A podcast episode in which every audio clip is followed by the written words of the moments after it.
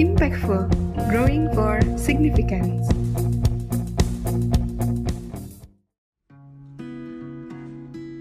Halo sahabat pemimpin, di mana pun Anda berada, kembali bersama dengan saya Sunjo Yosu Dan hari ini saya punya satu tamu yang sangat luar biasa Beliau adalah Pius Wiranata Beliau adalah sahabat saya ketika sedang kuliah S1 di Fakultas Bisnis Universitas Kristen Maranatha. Hari ini masih tetap bersama dengan saya di episode ini kita akan kupas di podcast Impactful Growing for Significant. Kita akan wawancara dengan Bapak yang luar biasa ini dan kita mulai sedikit bicara tentang latar belakang. Pak bisa bercerita sedikit tentang latar belakang lulus kuliah, ngapain saja? Silakan Pak Pius.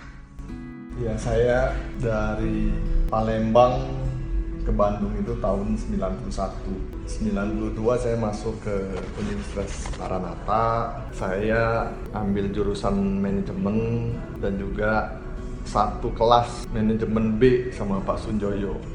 Jadi cerita singkatnya kami dulu ini orang yang pas-pasan untuk kuliah di Bandung ini. Ya ini karena kemurahan dari Tuhan semua Tuhan sudah mengatur semuanya begitu spesial untuk kami berdua.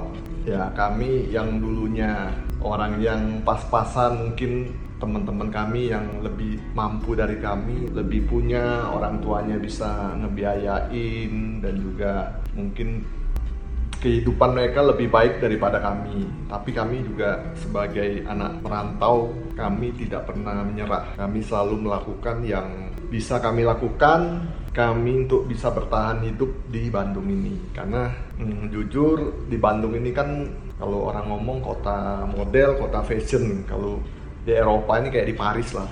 Jadi lebih banyak orang-orang Bandung ini orangnya lebih enjoy lebih nggak mau stres orang Bandung ini. Dari sini kami melihat bahwa banyak potensi-potensi yang bisa kami ambil dari semua orang Bandung yang sedikit tanda kutip orang banyak ngomong orang Bandung ini nyantai. Jadi kami sebagai kalau orang ngomong orang dari diimpor lah ya dari Sumatera. Jadi kami punya tekad yang keras, kuncinya selalu kerja keras. Terus kedua juga selalu punya mentality yang kuat.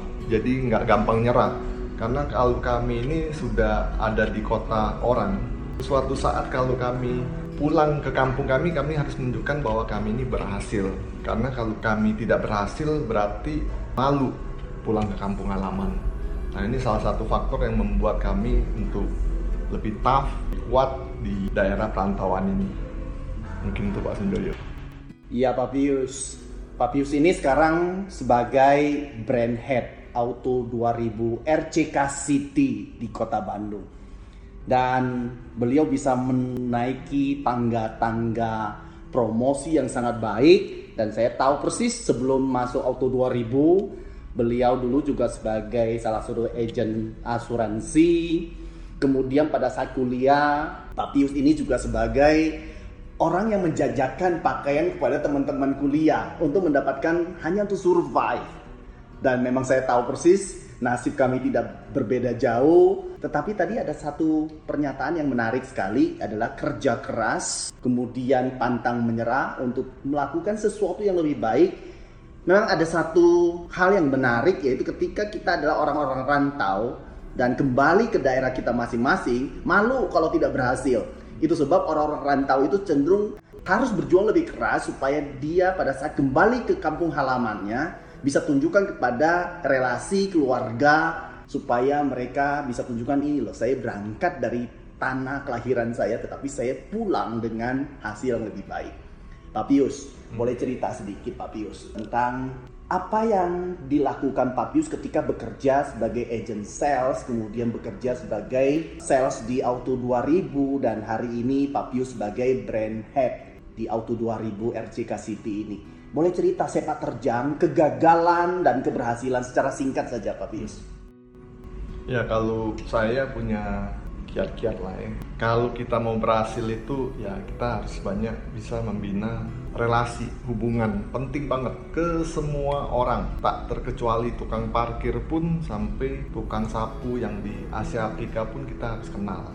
Bukan kenal lah, tapi minimal mereka tahu kalau kita sering lewat di situ kita sering sapa, kita sering sering komunikasi. Karena orang-orang yang menurut kita itu kayak nggak ada efeknya itu sebenarnya itu yang bisa membantu kita untuk mempromosikan kita. Karena dari kayak sapa itu kalau kitanya bisa masuk ke ranah mereka kalaupun saudaranya atau temennya mau beli tetangganya pasti akan ngereferensin ke kita saya waktu zaman kuliah saya pernah melakukan satu di tempat kos saya. Setiap lebaran itu saya memberikan mungkin nggak banyak satu kaleng biskuit kayak kongguan itu saya bagiin semua di deket komplek tempat kos saya di Junjunan. Nah kadang-kadang orang-orang kecil begitu kan dengan kita memberikan bingkisan kayak gitu itu membekas loh karena mereka merasa ada perhatian khusus mereka diperhatikan mereka bukan masalah satu kaleng kongbang mungkin mereka juga bisa beli tapi satu bentuk perhatian kita terhadap mereka. Karena kalau di dunia marketing itu paling penting bina hubungan. Mau balik bulak balik gimana kita kalau di dunia marketing bina hubungan itu sangat penting. Paling penting lagi dalam segala sesuatu kita mengerjakan harus konsisten dan juga jangan jemu-jemu. Karena ya kerjaan marketing itu menawarkan sesuatu terus benefit kalau bisa diterima oleh customer pasti dia beli. Tapi kalau kita tawarin ke orang kalau dia nggak butuh kita mau memberikan benefit sehebat apa pun ya nggak ada artinya. Nah jadi memang kalau di dunia marketing ini memang seninya banyak banget.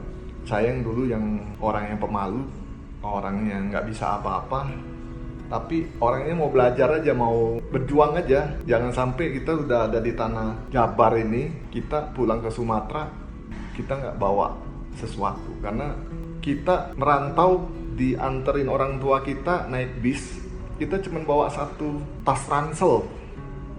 Ya dalemannya mungkin cuman kaos, rajin, mestinya dengan satu ransel itu kita bebannya belum tahu berat, kita bisa menghasilkan kalau istilah orang tuh ngomongnya kita bisa membawa kontainer-kontainer yang besar. Untuk kita bisa juga nanti memberikan berkah ini ke orang-orang kantor kita terus baik juga ke teman-teman kita. Ya intinya berbagi lah karena memang kalau kita di dunia marketing ini kuncinya satu. Ya kalau kitanya mau jualan banyak ya kita harus memberi banyak juga pasti. Baliknya juga banyak. Tapi kalau kita berinya sedikit ya baliknya sedikit. Itu aja mungkin Pak Sudoyo yang bisa saya sampaikan. Hukum alam. Artinya selain kerja keras tadi membangun relasi. Perjalanan kepemimpinan memang dimulai dari membangun relasi. Membangun relasi dengan demikian akan terbangun trust kepercayaan. Orang lebih suka membelanjakan sesuatu kepada orang-orang yang dia kenal daripada kepada orang yang tidak dikenal. Itu sebab relasi ini menjadi sangat penting tentunya di garis bawahi oleh Pak Pius. Kemudian tadi yang kedua juga menarik perhatian. Ketika sudah relasi terbangun, kita harus tahu orang-orang yang kita membangun relasi apa kebutuhannya. Mungkin kebutuhannya bukan hal-hal besar, kadang-kadang hanya membutuhkan kebutuhan didengarkan. Kadang-kadang mereka butuh sedikit materi kalau kita tidak bisa berbagi, kita berbagi dan itu akan sangat baik.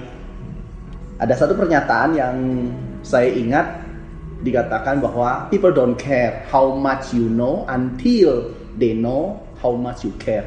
Orang itu tidak peduli seberapa banyak Anda mengetahuinya, tapi mereka peduli kepada Anda yang sangat memberikan perhatian kepada mereka. Terima kasih Pak Pius untuk obrolan kita impactful, growing for significant.